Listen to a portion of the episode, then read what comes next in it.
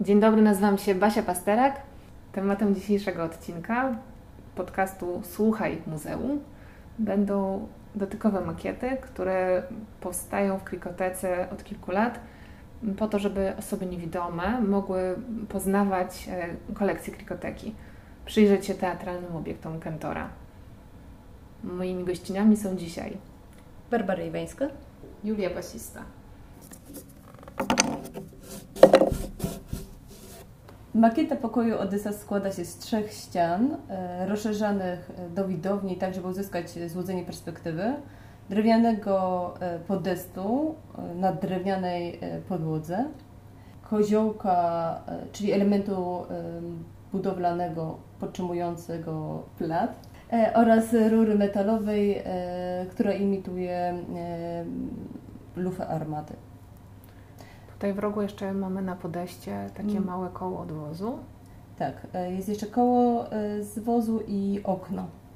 W, orygi- E. w oryginale ta scenografia jest 10 razy większa, więc to jest taka teraz nieduża Mhm. ma- makieta. Ona ma tutaj jak, jaką wysokość mniej więcej?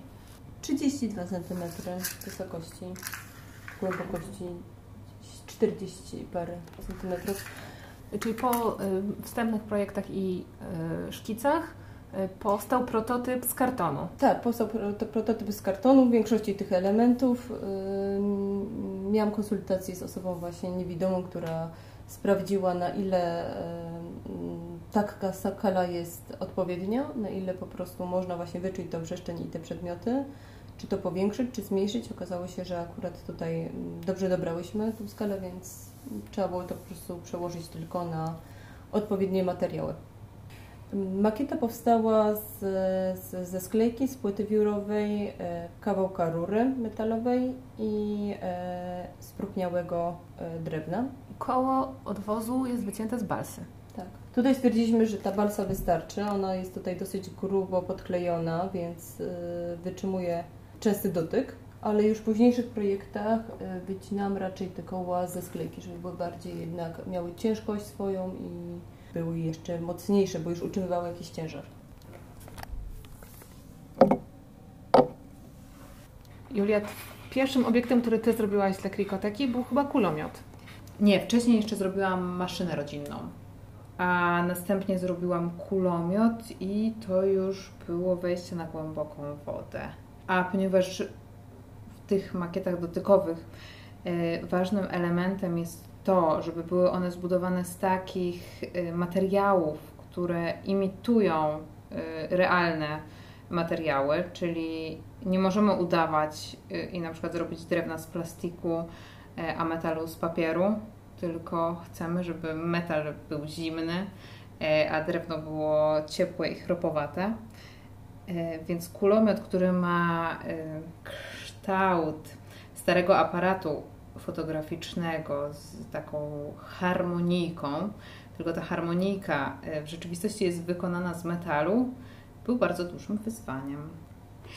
I są tutaj też elementy ruchome.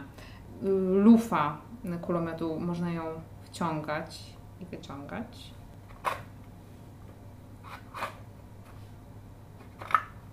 Jest też pasek z nabojami.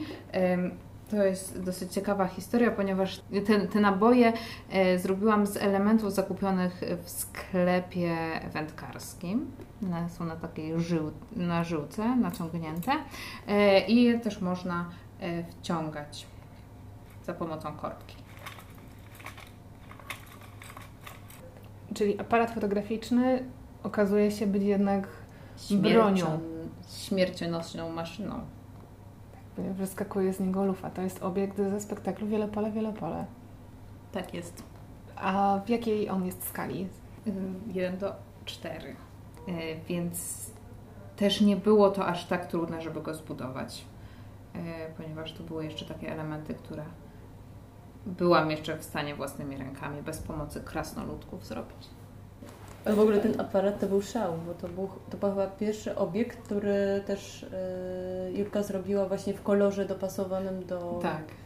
e, do tych oryginałów. I my na początku też nie mieliśmy świadomości, że osoby, które przychodzą i będą miały do czynienia z tymi maszynami, niekoniecznie są, niekoniecznie zupełnie nie widzą. tylko... Są też osoby słabowidzące, dla których ten kolor ma e, duże znaczenie. Tak, i, i jak gdyby to dopiero właśnie w, w trakcie pracy nad tymi kolejnymi obiektami do tego doszłyśmy i, i zaczęłyśmy bardziej skupiać się też na tym, żeby jednak oddać nie tylko struktury, nie tylko e, materiały, ale też e, kolory. Nie wiem jak doświadczenie Julki, ja uważam, że każda z tych maszyn, e, chociaż wydaje się czasem, że są podobne jakieś mechanizmy, to przy każdej z tych maszyn trzeba odkryć tak naprawdę nowy świat, e, jak to zrobić, e, wymyślić po prostu wszystko od podstaw. Te obiekty są dosyć oparte na prostych mechanizmach. I to jest na przykład bardzo dobre, bo dzięki temu łatwo zrozumieć pracę ich na scenie i, i ruch. Ale z drugiej strony za każdym razem przynajmniej e, pokonuję jakąś przeszkodę przy każdym z tych obiektów, e, którą wcześniej nigdy miałam, nie miałam do czynienia. Za każdym razem mam takie poczucie, że, że, że muszę odkryć po prostu nową drogę, e, jak coś stworzyć. Że nie zawsze te rzeczy, które przy, przy wcześniejszych obiektach dobrze się sprawdzały, przy kolejnym będą dobrym rozwiązaniem.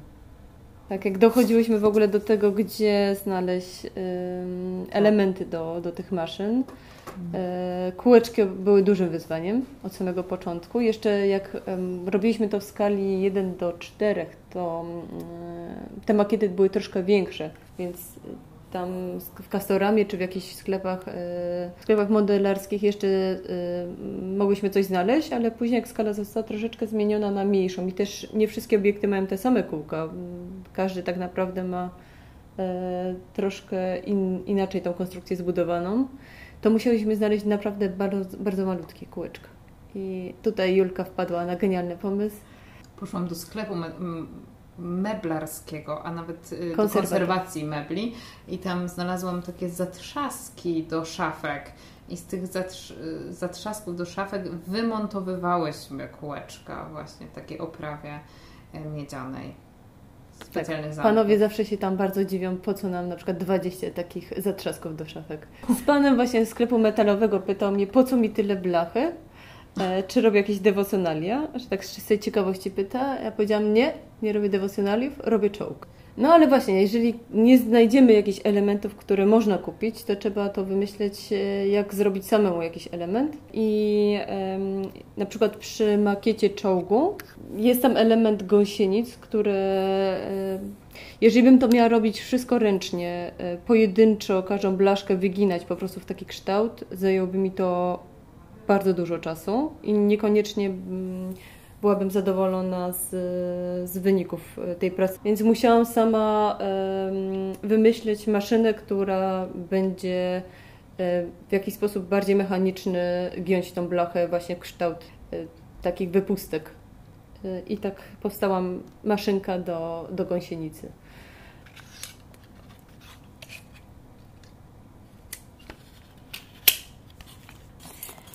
Ona jest skonstruowana z dwóch deseczek uchwytu, e, oszcza, które wycięłam z dłuta rzeźbiarskiego i specjalnie odmierzonego otworu, e, który jest negatywem tego oszcza i dzięki temu można e, umieszczać tam blaszkę, zamykać klapkę i blacha wtedy się wygina w odpowiedni kształt.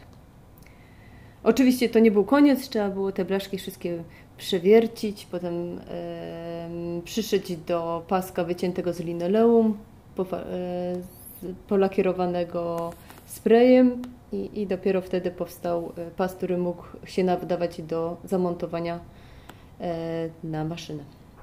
Czołg jest obiektem ze spektaklu Dziś są moje urodziny. Mm, podobnie jak suka policyjna. Julka? Tak. I suką policyjną był taki problem, że nie jest to obiekt, który miałby jakiekolwiek kąty proste. Więc po zmierzeniu obiektu trójwymiarowego w magazynie przerysowywałam wymiary na płasko, robiłam sobie taki projekt w skali y, i wyglądało to trochę jak wykrój sukienki.